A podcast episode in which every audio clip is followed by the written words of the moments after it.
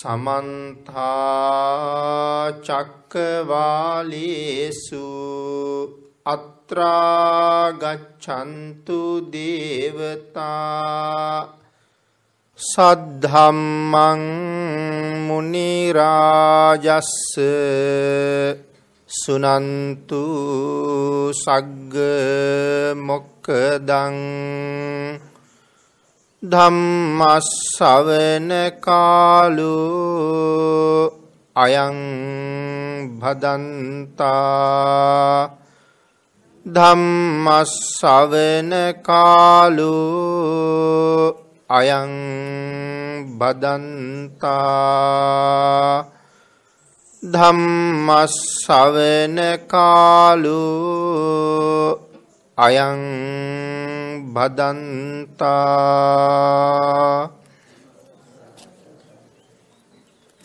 නමෝතස්ස භගවතු අරහතු සබ්බ දම්මේසු අපපටිහතඥානචාරස්ස දස බලධරස්ස චතුවේ සාරජ්‍ය විසාරදස්ස සබ්බ සත්තුත් උත්තමස්ස ධම්මිස්සරස්ස ධම්මරාජස්ස ධම්මස්සාමිස්ස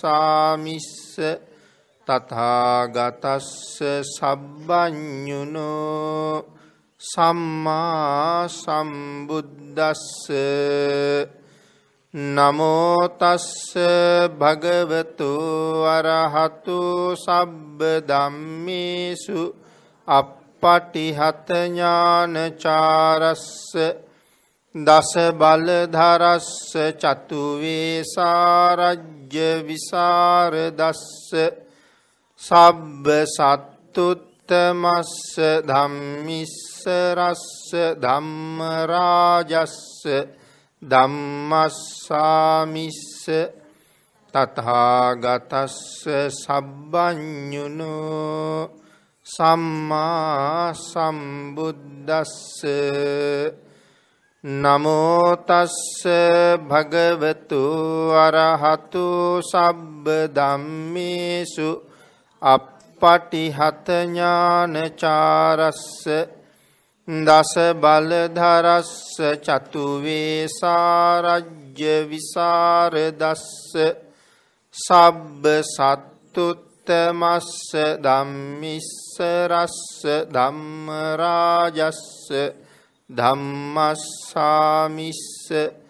තථාගතස්ස සබ්බඤුනෝ සම්මා සම්බුද්දස්ස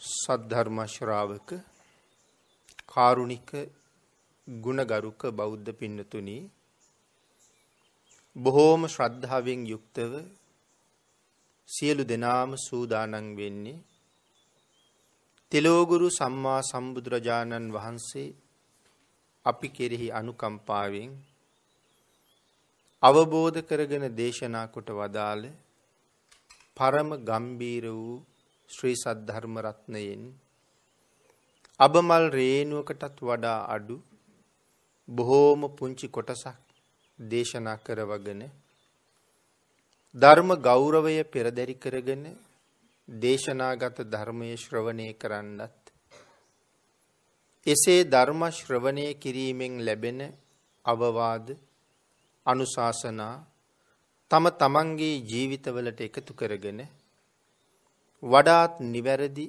මෙලව ජීවිතයක් සකස් කරගන්නත් ඒ තුළින් සුගතිගාමී වූ පරලොව ආයිති භවයකින් සැනසෙන්ඩත්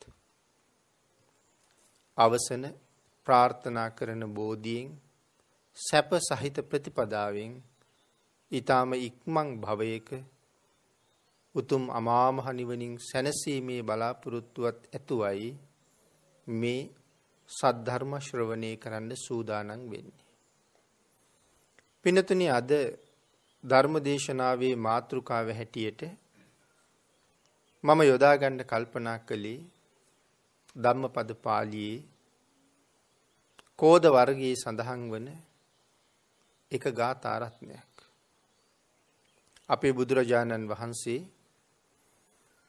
ගිජුකුළු පව්වේ වැඩවාසය කරන කාලි තමයි උතුම් වූ මේ දේශනාව පුන්නා කියන දාසිය අරමුණු කරගෙන දේශනා කොට වදාලි. සදා ජාගර මානානං අහෝ රත්තානු සික්කිනං නිබ්බානං අධිමුත්තානං අත්තං ගච්ඡanti ආසවා මේ විදිහේ ගාතාවක් බුදුරජාණන් වහන්සේ දේශනා කොට වදාළේ මොන වගේ කාරණාවක් නිසා වෙන්න ඇතිද කියන කරුණ අපි ටිකක් කෙටියෙන් සිහිපත් කරගත්තොත් ධර්ම කාරණාව තේරුම් ගන්න අපිට තව පහසුයි. පිනතුනි භාග්‍යතුන් වහන්සේ ගිජුකුළු පව්වේ වැඩ වාසය කරන කාලේ රජගහනුවර සිටුවරයාගේ එක දාසියක් හිටියා පුන්නා කියලා. මේ පුන්නාවට දවසක් කෙටීම සඳහා වී ගොඩක් ලැබුණා. ඇය දවල් කාලෙම වී කෙටුවා. රාත්‍රියේත් බොහෝ කල් ඉක්ම යනකම් ඇයට වී කොටන්න සිද්ධ වුණා. වී ටික කොටලා දහයිය ටික කුඩු ටික පොළලා හොඳ සහල් ටික බේරලා වෙන් කරලා මේ ආදී කටයුතු නිමා වෙනකොට පාන්දර වෙන්න තරම් ආසන්න වුණා. ඇයට දැන් බොහෝම වෙහෙසයි. ඒ නිසා පුන්න ටිකක් දහදිය නිමා ගන්නත් එක්ක හොඳට සුළං හමන තැනකට වෙලා හිටියා. පුන්නට පේනවා ගිජ්ජකූට පර්වතයේ මුදුනේ භික්ෂූන් වහන්සේලා පහන් දල්වාගෙන එහාට මෙහාට යනවා. ඇය කල්පනා කරනවා නිමක් නැති වැඩ නිසා මම මේ රාත්‍රියේ මේ තරම් නිදි මරනවා. නමුත් කිසි වැඩක් නැති තමන්ගේ ආධ්‍යාත්මික සුඛය වෙනුවෙන් ජීවිතේ කැප කළ මේ භික්ෂූන් වහන්සේලා මේ වෙලාවේ නිදි මරාගෙන එහි මෙහි ඇවිදිනවා පේන්නේ ඇයි? අනේ කවුරු හරි ස්වාමින් වහන්සේ නමක් අසනීප වෙලාවක්ද? එහෙම නැත්නම් හදිස්සියේ ස්වාමින් වහන්සේ නමකට නායක පොළඟෙක්වත් දෂ්ට කරලවද්ද? මොකක් හරි හේතුවක් විය යුතුයි කියලා ඒ කල්පනා කර කර ඉන්නවා.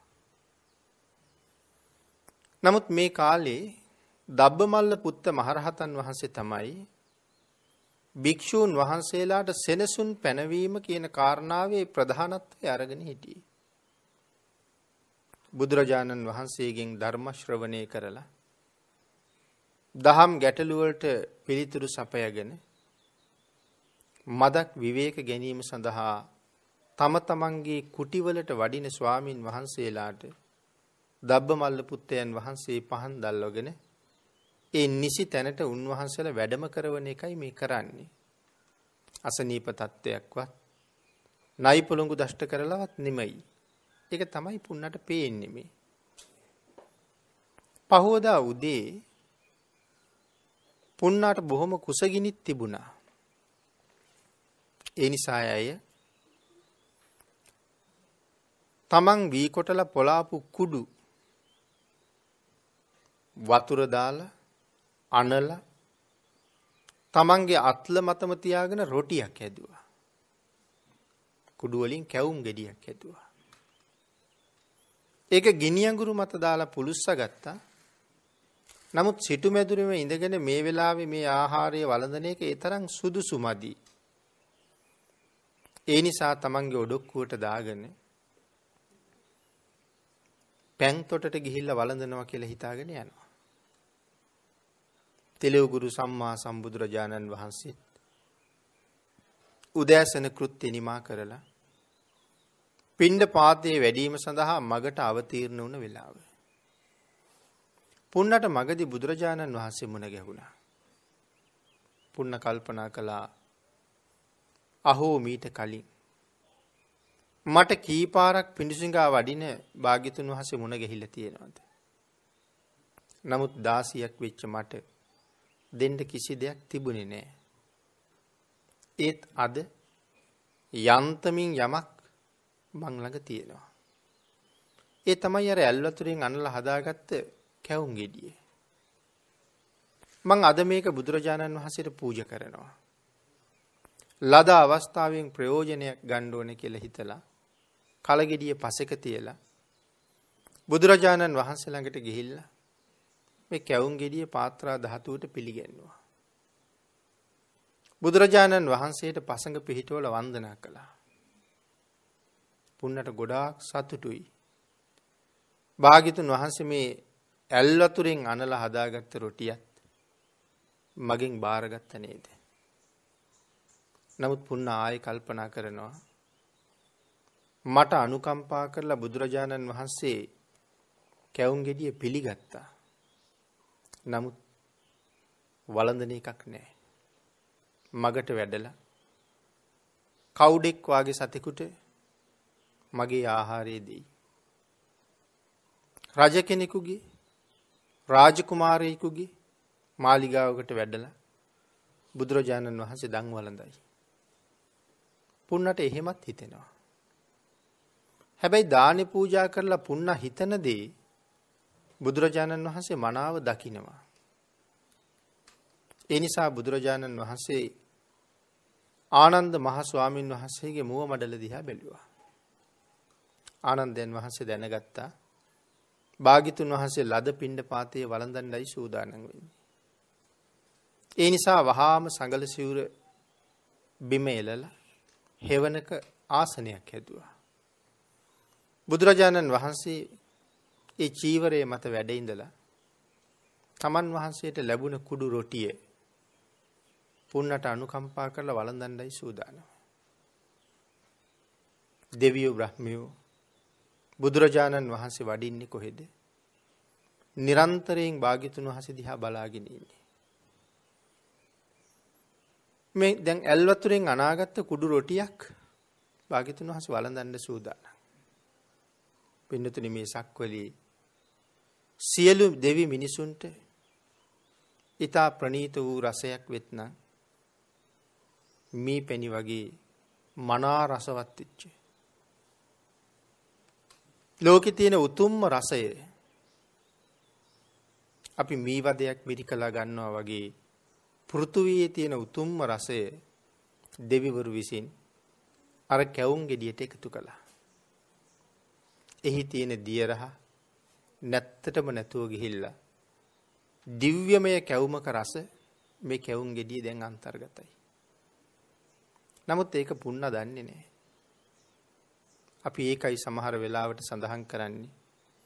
බුදුරජාණන් වහන්සේට දාන වේලක් පූජා කරනකොට ඊට අමතරව තවත් යමක් අපි පූජා කරගන්නකොට යටත් පිරිසෙන් තුන් වතාවක්වත් ආයාචනා කරන එක වටිනවා අපිටම අනුකම්පා කරලා භාග්‍යතුන් වහන්සේ අපේ පූජාව ඉවසන්න කියලා.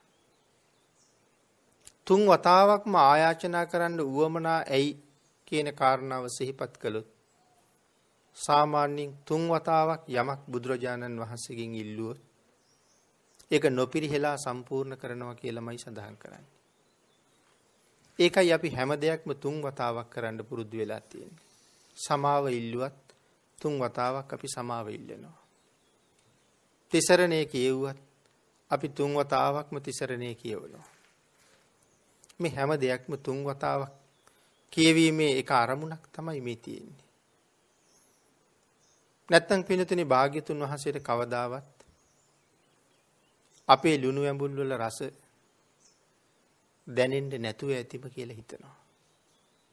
පාත්‍ර ධාතුව ඇතුළේ ඉඳලා ශ්‍රීමුක ධාතුව දක්වා භාග්‍යතුන් වහන්සේ ශ්‍රීහස්ත ධාතුවෙන් ආහාර පිටක් ශ්‍රීමුකයට ගෙනෙනකොට දෙවියෝ ලක්ෂ ගණන් ඒ ආහාරයට දිව්‍යමය ඕජාව එකතු කරනවා.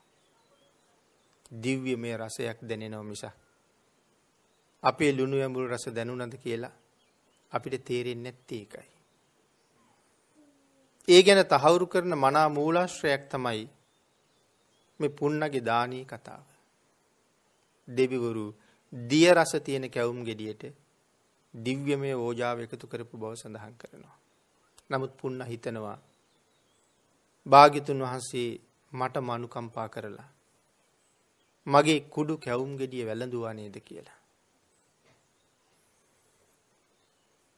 ඒ ආහාරය වළඳලා අපේ බුදුරජාණන් වහන්සේ නැවත පුන්නට කතා කළා. කතා කරලා සඳහන් කරනවා පුන්නාවිනි මගේ ශ්‍රාවකයෝ පිළිබඳව ඊයේ රාත්‍රියේ ඔබ මොනව හිතුවද කියලා. අනේ ස්වාමීනි දොසක් නම් හිතුවේ නෑ. මම ඊයේ රාත්‍රියත් සෑහෙන කාලයක් වී කොටලා බොහෝම වෙහෙසට පත් වෙලා ටිකක් විවේක අරන් ඉන්න වෙලාවේ මම දැක්ක මේ ස්වාමින් වහන්සේලා පහන් දල්වගෙන ඒ ඒ තැන යනවා.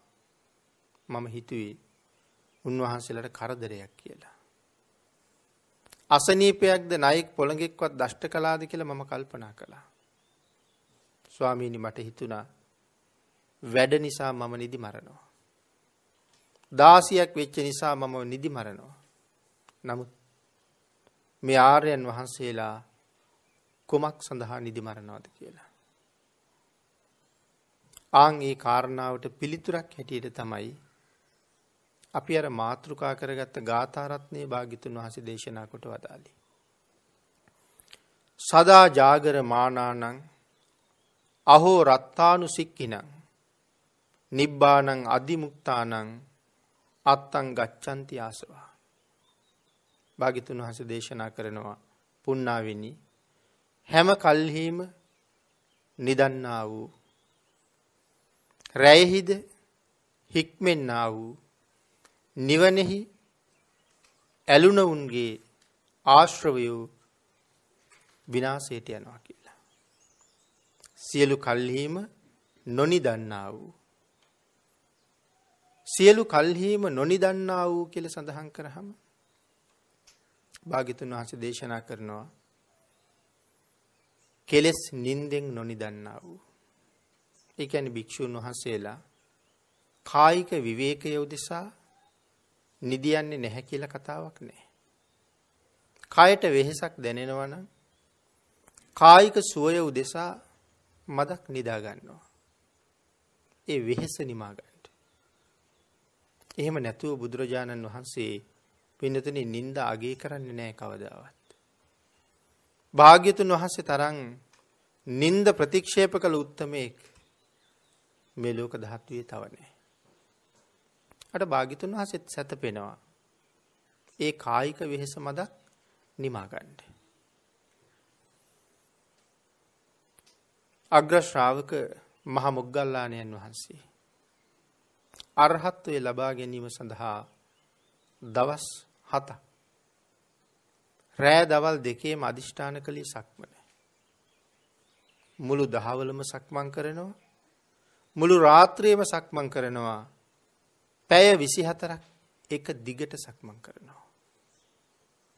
දවස් හතක් අධිෂ්ඨාන කරහම පැය විසි හතරේ ඒවා හතක් මොහොතක්වත් නිදාගන්න ඇතුව පුද්දුම වීර්යකින් සක්මන් කරනවා. දවස් හතක් ඉක්ම ගියහම මොග්ගල්ලානයන් වහන්සේට හරි වෙහෙසයි. පින්නතින හිතල බලන්නකු දවස් හතක් රෑදවල් දෙකේම සක්මන් කරනවා කියන කාරණාව අපට හිතන්ඩවත් පුළුහන්ද කියලා. ඉන් දැන් හත් දවසක් එක්මුණාම දැන් හරි වෙහෙසයි. ඒ නිසා ටිකක් නිදිමත ගතියයි. භාගිතුන් වහන්සේ වහාම මොග්ගල්ලානයන් වහන්සේ ළඟට වැඩිය.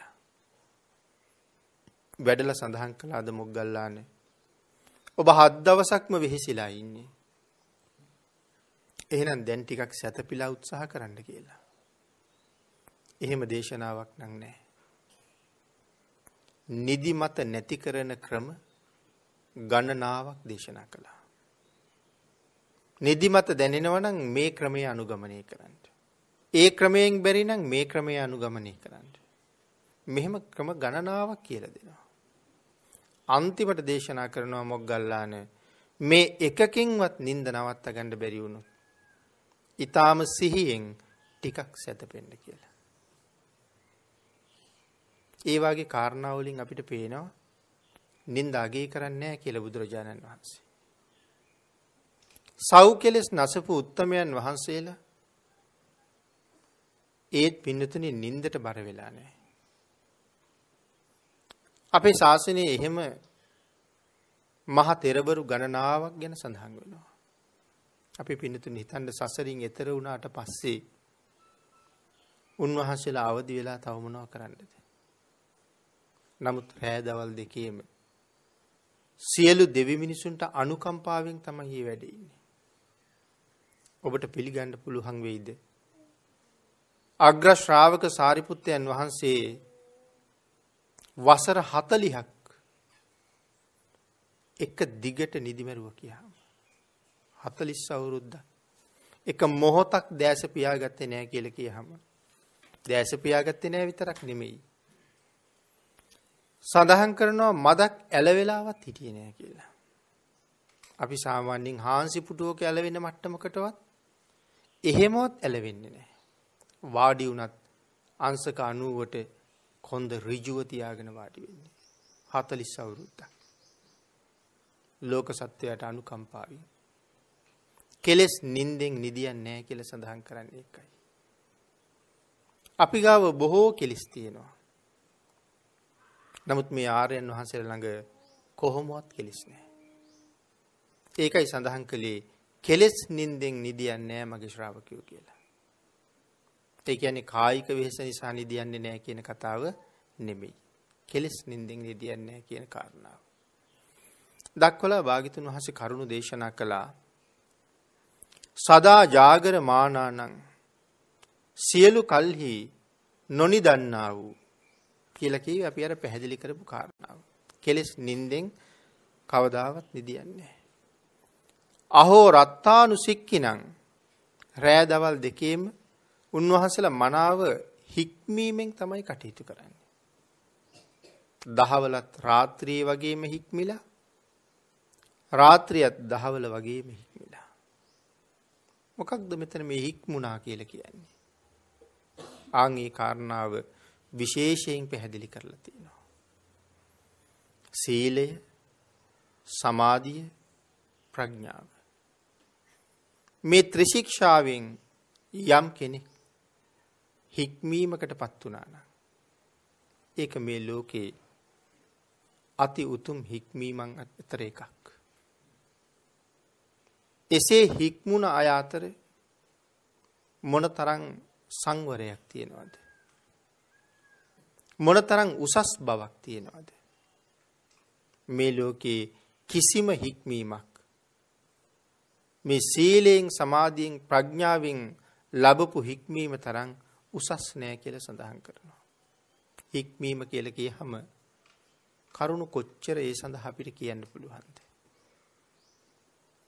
අපිට වඩා උසස් කෙනෙක් දැක්කහම අපිත් හික්මෙනවා. අපිට වඩා ගුණවත් කෙනෙක් දැක්කහම අපි හික්මෙනවා. සාමාන්‍යයෙන් කටයුතු කරනකොට යම් ස්වභාවයක් අපින් පිළිඹි වුණාද. නමුත් උසස් අය ළඟ ගුණවත් අය ළඟ එහෙම හැසිරීමක් නම් අපි අපි නෑ. ඒක හික්මීමක්. යම්සේ gedara කටයුතු කරනවද අපි ඒ විදිහට පන්සලේ ඇවිල්ලා කටයුතු කරන්නේ. යම්සේ gedara කතා බහ කරන ක්‍රමයක් තිබුණද අපි ඒ විදිහට පන්සලට ඇවිල්ලා කතා කරන්නේ නැහැ. සාමාන්‍ය එදිනදා හැසිරීම යම්සේද ප්‍රභූවරයෙක් ළඟට ගියාට පස්සේ අපේ හැසිරීම වෙනස් වෙනවා. කතා බහත් වෙනස් වෙනවා. හඬත් වෙනස් කරනවා. ගමනත් වෙනස් කරනවා. ආහාර පාන ගැනීම පවා අපි ස්වභාවය වෙනස් කරනවා. බොහොම හික්මිච්ච කෙනෙක් වගේ බොහොම නිදහසේ ආහාර අනුභව කරනවා. ගෙදර ඉන්න වෙලාවේ ආහාර පිඟානක් හිස් කරන්න විනාඩි 5ක් විනාඩි 10ක් නම් ගත්තේ. අර වගේ තැනකට ගියහම විනාඩි 15ක් 20ක් ඒ ආහාර බඳුන හිස් කරන්න කල් ගන්නවා. ඇයි බොහොම ටිකක් අතට අරගෙන කලබල නැතුව වටපිට බලන්නේ නැතුව හරි සංවරව අපි ආහාර ගන්නවා. නමුත් ඒක හැමදාම හැමතැනම එහෙමද? ඒක හැමදාම එහෙම නැහැ. නමුත් ඒකත් හික්මීමක්. ඒ හික්මීම වෙනස් වෙනවා. නමුත් යමෙකුගේ හික්මීම සීලය මත ඇති වුණා නම් සමාධිය මත ඇති වුණා නම් ප්‍රඥාව මුල් කරගෙන ඇති වුණා නම් ඒ හික්මීම මේ ලෝකේ කවදාවත් වෙනස් වෙන්නේ නැහැ. කෙනෙක් ඇති තැනත් කෙනෙක් නැති තැනත් එහෙමමයි. දහවල යම්සේද රාත්‍රියත් එසේමයි. අං එවන් හික්මීමක් ගැන මෙතන සඳහන් කරන්නේ සීල සමාධි ප්‍රඥා සංඛ්‍යාත ශික්ෂාවන්හි හික්මීම මෙයින් අදහස් කරනවා කියලා පැහැදිලි කරනවා. අහංච රත්තිංච අහෝරත්තං සඳහන් කළා අන්‍යෝන්‍ය විරුද්ධාර්ථ පදනම් කරගෙන එහෙම සඳහන් කරනවා කියලා. නිබ්බානං සීල සමාධි ප්‍රඥා ආදී ත්‍රිශික්ෂාවන්හි හික්මුණ කෙනා මනාව නිවන අරමුණු කරගෙන නිතරම කටයුතු කරනවා. පිනතුන එහෙම සඳහන් කළේ නිවනෙහි අර්ථය මේ අධිමුක්ත කියලා වචනකින් පැහැදිලි කරනවා කියලා සඳහන් කළා. මේ ගාථාරත්නේත් මේ අධිමුක්ත කියන වචනේ අන්තර්ගතයි. එහෙනම් ඇයි අධිමුක්ත කියලා කියන්නේ? ඇලුන උන්ගේ භාවනාවෙහි යෙදෙන්න උන්ගේ නිර්වාණාධ්‍යාසය දන්න උන්ගේ කියන කාරණාව තමයි අධිමුක්ත කියලා කියන්නේ. ඇලුන උන්ගේ කියලා කියන්නේ නිවනෙහි ඇලුන අය. භාවනාවෙහි යෙදෙන්න උන්ගේ නිතර නිතර භාවනාවක් ප්‍රගුණ කරන අය. මෙතන සඳහන් කරන්නේ අර තැනක වාඩි වෙලා කෙනෙක් කරන භාවනාව ගැන විතරක් නෙමෙයි. සීලෙන් සමාධියෙන් ප්‍රඥාවෙන් යමෙක් හික්මුණා නම් ඔහුගේ මුළු ජීවිතේම භාවනාවක් වගේ.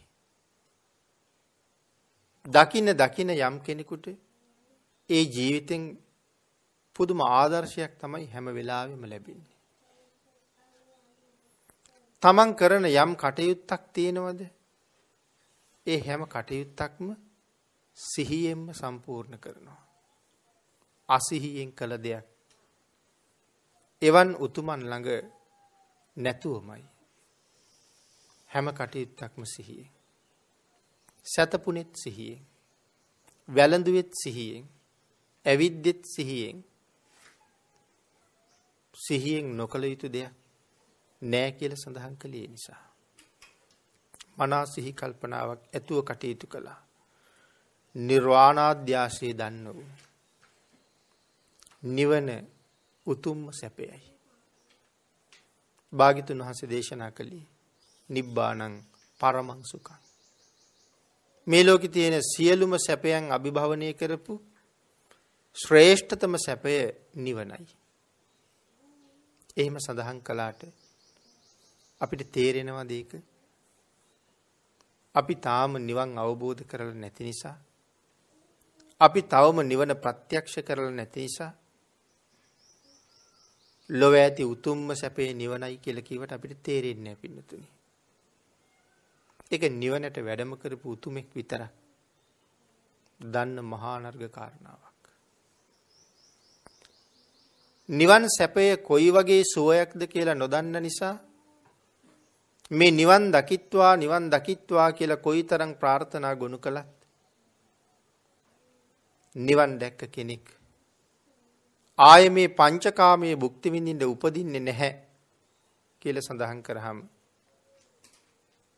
අපිට නිවන් දකින්න මහ මොකක්ද වාගේ හිතෙනවා. කොච්චර දුකක් වුණත් මේ පංචකාමයේ හොඳයි කියලා හිතෙනවා. ආය උපතක් නැත්තම් ඒක නිකන් මොකක්ද කියලා හිතෙනවා. ඒ නිවන ගැන දන්නේ නැති නිසා. සමහර කෙනෙක් සමහර තැනකට බොහෝම අකමැත්තෙන් යනවා. සමහරලාට මව්පියන්ගේ යාළුවන්ගේ මිත්‍රයන්ගේ බල කිරීම නිසා එතෙන්ට යන්නේ. බේරෙන්නම බැරි හින්දා. නමුත් ගියාට පස්සේ ඊට පස්සේ කියනවා අපුයි මම දැනගෙන හිටියේ නෑ මෙතන මෙච්චර සුන්දර තැනක් කියලා. මම දැනගෙන හිටියේ නෑ මෙතන මේ තරම් වටින තැනක් කියලා. කලින් දන්නවනම් මම ඔබලාට කලින් එන්නේ කියලා කියනවා. නොදන්න නිසා අකමැත්තක් පෙන්නුවාට දැනගත්තට පස්සේ පුදුම කැමැත්තක් හිටියෙනවා. නිවන ගැනත් අපි මොකවත් දන්නේ නැති නිසා සමහර වෙලාවට එහෙම හැඟීමක් ඇති වෙනවා. නමුත් ශ්‍රීමක ධාතුවෙනුයි දේශනා කළේ නිබ්බානං පරමං සුඛං කියලා. නිවන උතුම්ම සැපයයි. පින්නතුනි අපිට ඒ උතුම් නිවන් සැපය යම්සේ තේරුම් ගන්නද යම් යම් කරුණු කීපයක් ධර්මයේ තුලින් ප්‍රකට කරන්න පුළුවන්. මේ ලෝකෙ මිනිස්සු අතර වැඩියෙන්ම සැප විඳින පුද්ගලයා තමයි සක්විති රජු කියලා කියන්නේ. නමුත් අපි ධර්මයෙන් දන්නවා සක්විති රජවරු ඒ උතුම් සක්විති සැපය අත්හැරලා නිවන් හොයාගෙන ගිහිල්ලා තියෙන බව. සක්විති රජ්ජුරුවන්ගේ සැපය යම්සේද දෙවියන්ගේ සැපය එක සංසන්ධනය කරනකොට සක්විති සැපය කොයි වගේද. භාගිතුන් හසෙක උපමාවක් පෙන්න්නන එක තැනක. මහනෙන මහා මේරුව පාමුල. ඉතා කුඩා ගල් කැටයක් තිබ්බොත්. මහමේරුව කොයි වගේද මේ පුංචි ගල් කැටිය කොයි වගේද. මහනින දිව්‍ය මේ සැපේ ළඟ සක්විති සැපය ඒ කුඩා ගල් කැටීවාගේ කියලා. දිව්‍ය මේ සැපේ ඒ තරම්ම උසස්.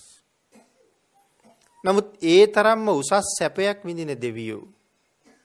ප්‍රඥ්ඥාවන්ත දෙවියවරු නිවන් හොයාගෙන යන්න වෙහිසෙනවා. දිව්‍ය සැප අත්හැරලා නිවන් සැපය හොයන්න වෙහෙසෙනවා. දෙවියන්ගේ සැපයේ එහෙමනම් බ්‍රහ්ම ලෝකෙ සැපය කොහොම ඇද්ද. නමුත් බ්‍රහ්මරාජවරු නිරන්තරයෙන් උත්සාහ කරනවා බඹ සපයත් හැරලා නිවන් සැපේටයන්ට. සක්විති රජසුවයට වඩා දෙව්ලව දෙව්සුවයට වඩා බඹලොව බඹ සැපයට වඩා නිවන් සැපය උසස් බව ඒ කාරණාවෙන් අපිට පේනවා.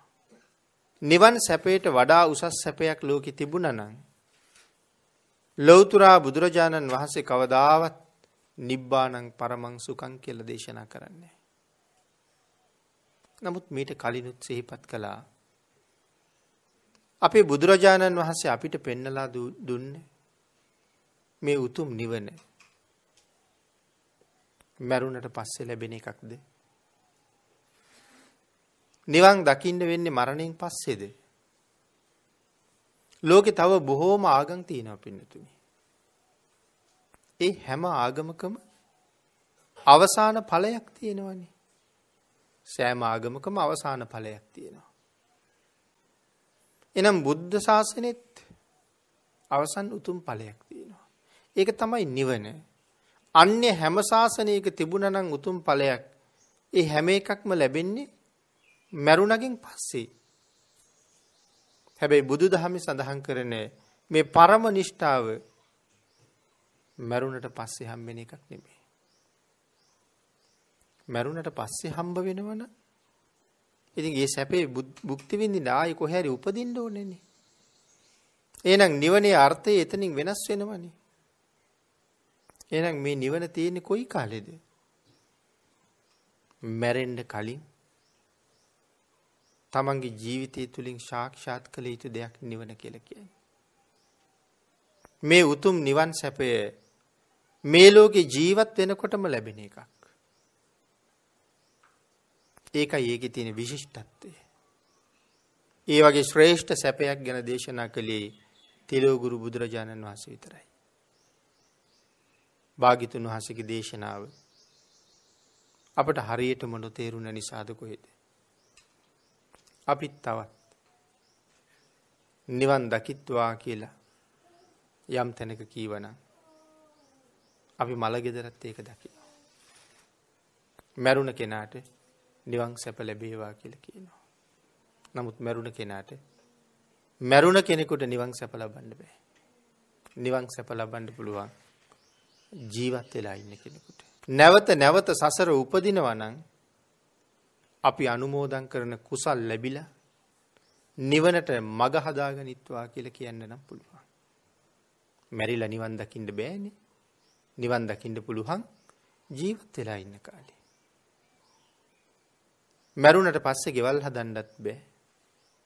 මැරුණට පස්සේ ඉගෙන ගණ්ඩත් බෑ. මැරුණට පස්සේ මොකුවත් කරන්න බෑ. ඉගෙන ගන්නෙත් ජීවත්වෙන කාලි ගෙවල් හදන්නෙත් ජීවත්වෙන කාලි බෞබෝග සම්පත් රැස් කරන්නෙත් ජීවත්වෙන කාලි නං නිවන් සැපත හොයාගණ්ඩ වෙන්නෙත් ජීවත්වෙන කාලි. එතකොට කවුද මේ ලෝකෙ ජීවත්වෙන අතරම ඒ උතුම් සැපය ස්පර්ශ කරපු අය.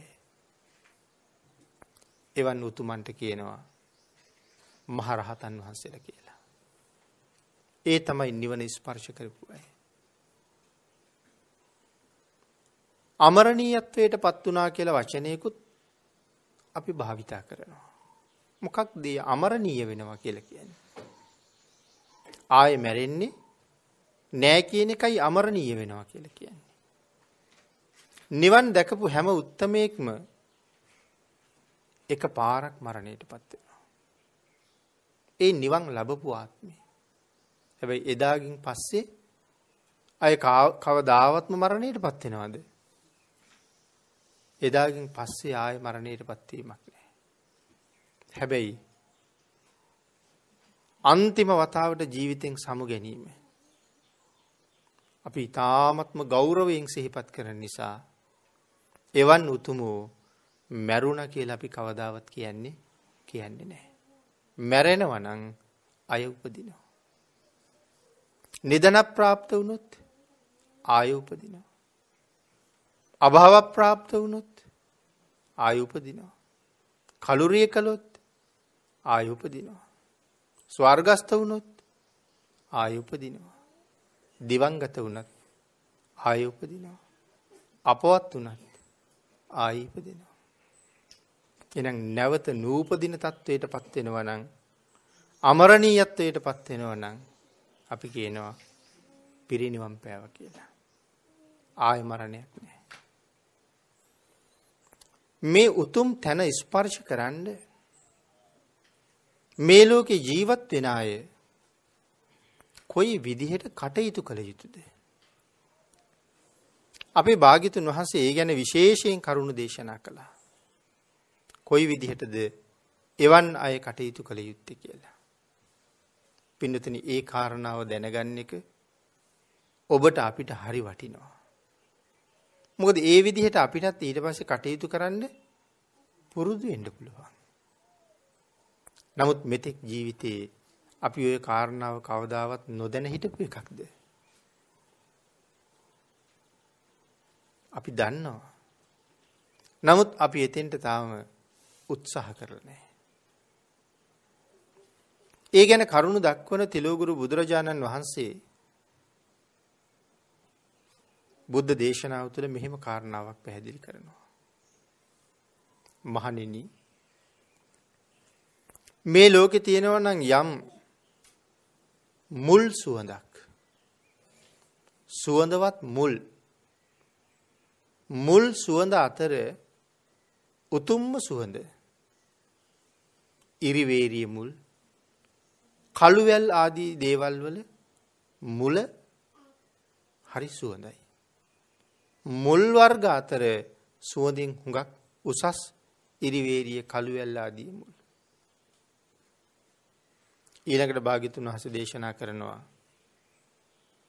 මේ කඳන් අතර සුවඳ සාර ගන්ධයන් අතර උසස්ම සුවඳ රත් හඳුන් ලී සුවඳයි කියලා. මේ ලෝකෙ පිපෙන පුෂ්ප වර්ගවල සුවඳ අතර උතුම්ම සුවඳක් තියෙනවා නම් ඒ දෑසමන් මල් සුවඳයි කියලා දේශනා කළා. ඊළඟට භාග්‍යතුන් වහන්සේ දේශනා කරනවා. මේ ලෝකේ ජීවත් වෙන සෑම පුද්ගලයෙකුටම ශ්‍රේෂ්ඨයි සක්විති රජු. මේ බුදු පසේ බුදු මහෞත්තමයණන් වහන්සේලාගේ මට්ටමින් බැහැර වෙලයි සඳහන් කරන්නේ. ඊළඟට දේශනා කළා මේ ලෝකේ ජීවත් වෙන අය අතර සියලු දෙනාට වඩා සක්විති රජු උතුම් වෙනවා වගේ සප්ත මහා ගංගාවන්ට උතුම් වෙන්නේ මොකක්ද? මහා සාගරේ ශ්‍රේෂ්ඨයි. මේ සප්ත මහා ගංගාව ගලාගෙන ගිහිල්ලා අන්තිමට වැටෙන්නේ මහා සාගරයට. ඒ සියලු ගංගාවන්ට සාගරේ ශ්‍රේෂ්ඨයි. ඊළඟට සඳහන් කළා මේ ලෝකේ තියෙන ශ්‍රේෂ්ඨත්වයේ පදනම් කරගත්තේ. යම් කෙනෙක් ඒ උතුම් ශ්‍රේෂ්ඨත්වයට යන්න බලාපොරොත්තු වෙනවා නම් පරම සුවය හොයාගෙන යන්න බලාපොරොත්තු වෙනවා නම් ඒ සඳහා අතිශ්‍රේෂ්ඨයි. මෙන්න මේ අප්‍රමාදය. සියලු බුදු දහම එකට කැටි කරගත්ත යම් වචනයක් තියෙනවනම් ඒකට මොකක් කියලාද කියන්නේ? මුළු බුදු දහමම මේ වචනේ ඇතුලේ තියෙනවා කියලා දේශනා කරන්නේ. ඒ තමයි අප්‍රමාදය. අපේ පින්නතුන්ට මතකයි 45 අවුරුද්දක් ලෝක සත්වයා වෙනුවෙන් දිවා රාත්‍රී දෙකේ වෙහෙසුන අපේ බුදුරජාණන් වහන්සේ උපවත්තන සාල වනෝද්‍යානයේ පරිනිර්වාණ මංචකයේ සැතපීලා ලෞතුරා බුදුරජාණන් වහන්සේගේ ශ්‍රීමුක ධාතුවෙන් මේ වාතලයට මුදාහලා අන්තිම වචන පෙළ මුදා හැදියා. ඒ වචන පෙළ අතරේ මේ මේ කතාව තියෙනවා. ඒ වචනය ප්‍රකාශ කරන්නයි භාගිතුන් වහන්සේ එහෙම දේශනා කළේ කොහොමද? ආමන්තයාමි බෝවාය ධම්මා සංකාරා. අප්පමාදීන සම්පාදීත. මහණෙනි සියලුම සංස්කාර ධර්මයන් අනිත්‍යයි. ඒ නිසා වහ වහ අප්‍රමාදී වෙන්න කියලා. දැන් තේරෙනවද අප්‍රමාදී කියන වචනේ? මුළු බුදු දහමක්ම කැටි කරගත්ත කියලා සඳහන් කළේ ඇයි කියලා. භාගිතුන් වහන්සේ තව බොහෝ කරුණු අප්‍රමාදය ගැන දේශනා කළා. දෙපා ඇති සත්වයන් අතර ඊ타ම උතුම් ලෞතුරා බුදුරජාණන් වහන්සේ. ඒ කියන්නේ අනිත් සත්වයන්ට උතුම් නෑ කියන එක නෙමෙයි. භාගිතුන් වහන්සේටත් පාද දෙකයි තියෙන්නේ. ඒකයි එහෙම සඳහන් කරලා තියෙන්නේ. නැත්තම් දෙවියන් බඹුන් මරුන් සහිත ලෝකේ බුදුරජාණන් වහන්සේ අභිභවනය කරන්න තරම් සමතෙක් වෙන නෑ ලෝකේ. පිය සටහන් අතර ලොකුම පිය සටහනක් තියෙන්නේ ඇතාට. ඇතාගේ පිය සටහන ඇතුළේ මේ ලෝකේ ජීවත් වෙන හැම සතෙකුගේම පාදලාංචනේ තියන්න පුළුවන්. ඒ කියන්නේ හැම සතෙකුගේම පිය සටහන ඇත් අඩියට වඩා කුඩයි. මේ ලෝකේ තියෙනවා නම් උතුම් අමෘත පදයක්. සියලුම වචනයන් අභිභවනය කරපු අමෘත පදයක්. ඒකට කියන්නේ අප්‍රමාදයයි. යමෙක් අප්‍රමාදී නම් ඔහුට ලෞකික ලෝකෝත්තර මේ උභයාර්ථයම සැලසෙනවා. පසේ නදී කොසල් රජ්ජුරුව එක දවසක් බුදුරජාණන් වහන්සේ ළඟට ගිහිල්ලා අහනවා ස්වාමීනි මේ ලෝකේ මෙලව පරලොව දෙකේම අභිවෘද්ධිය සලසන යම් උතුම් කාර්යයක් තියෙනවා නම් ඒක මොකද්ද කියලා. මහරජය එවන් දෙයක් ලෝකේ තියෙනවා. ඒ වෙන කිසි දෙයක් නෙමේ අප්‍රමාදී බව. මෙලවත් සතුටු කරවනවා පරලොවත් සතුටු කරවනවා. භාගිතුන් වහන්සේ දේශනා කරනවා මහණෙනි කාය දුස්චරිතයෙන් වැළකීලා කාය සුචරිතයට එන්නේ වචී දුෂ්චරිතයෙන් වැළකීලා වචී සුචරිතයට එන්න. මනෝ දුෂ්චරිතයෙන් වැළකීලා මනෝ සුචරිතයට එන්න. මහණෙනි මිත්‍යා දෘෂ්ටිය අත්හැරලා සම්මා දිට්ඨියට එන්න.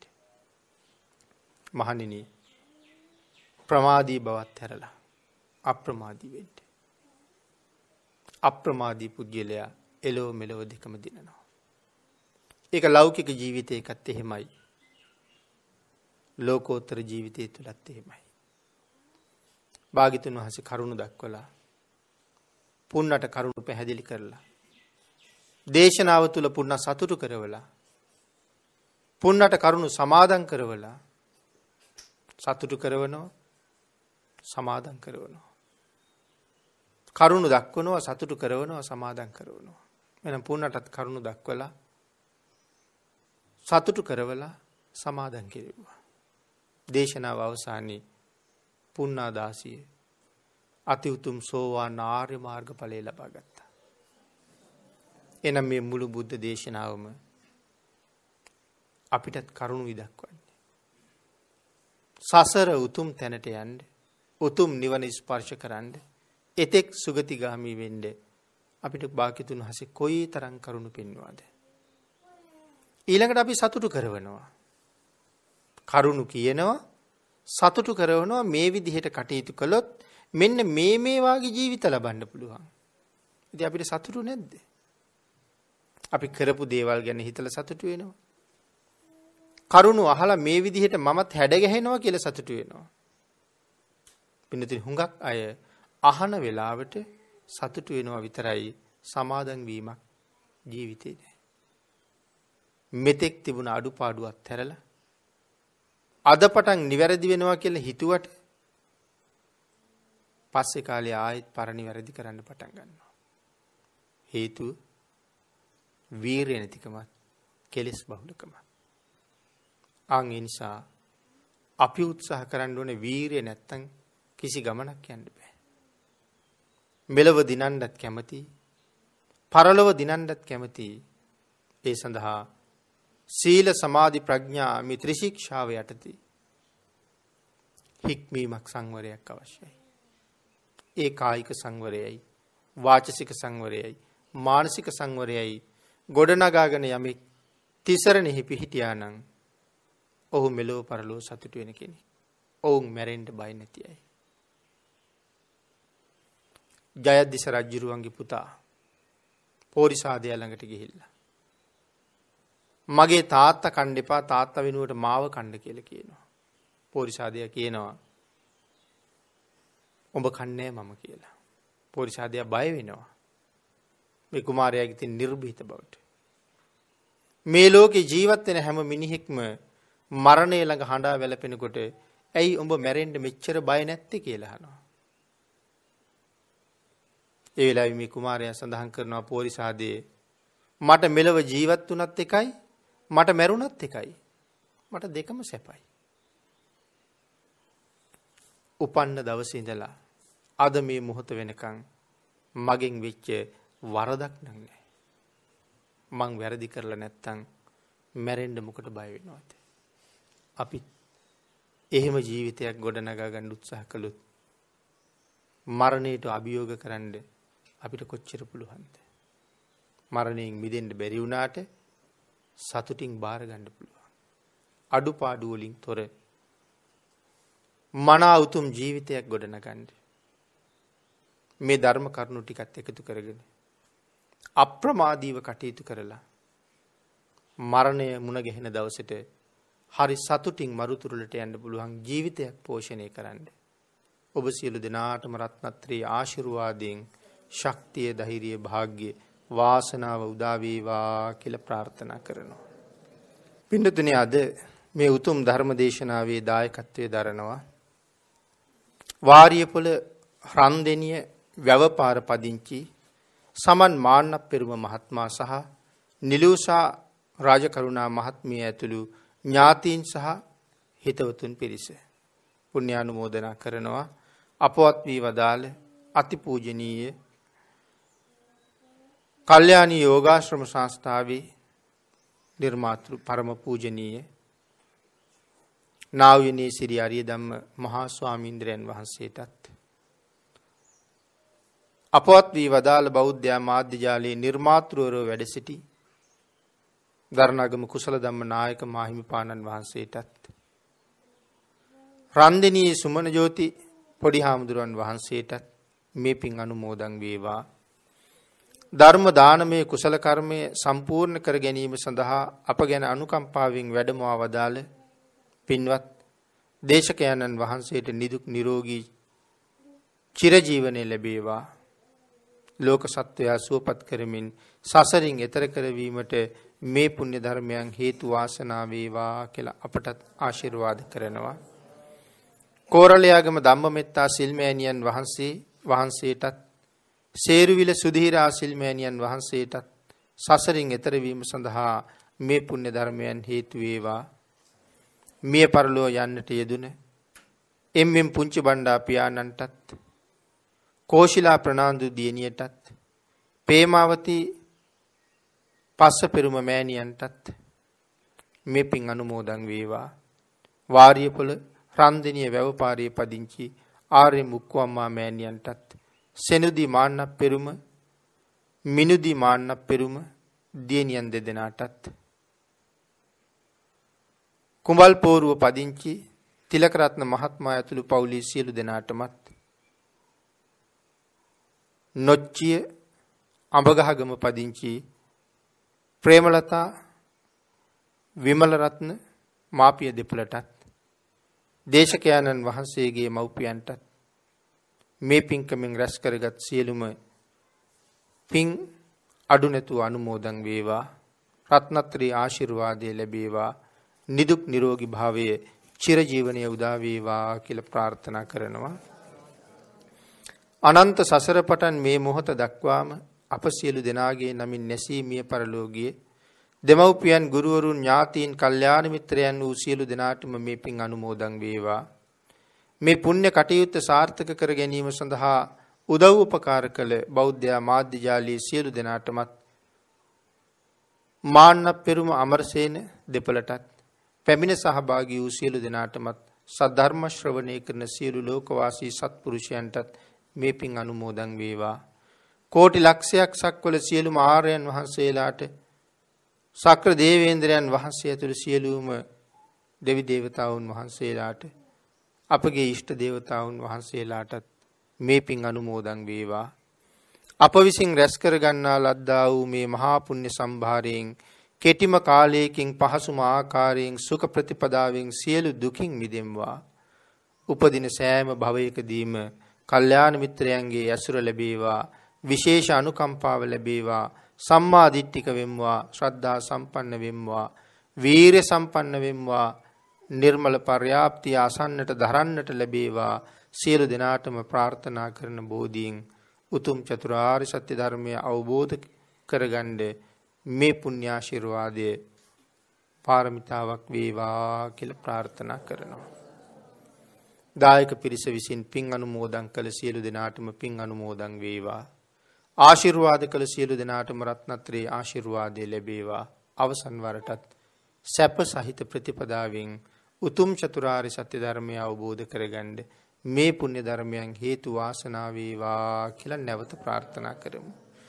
ආකාසට්ඨා ච බුම්මට්ඨා දේවානාගා මහිද්దికා පුඤ්ඤන්තං අනුමෝදිත්වා චිරං රක්ඛන්තු ලෝක සාසනං දේවෝ වස්සතු කාලේන සස්්‍ය සම්පatti හේතුච පීතෝ භවතු ලෝකෝ ච රාජා භවතු ධම්මිකෝ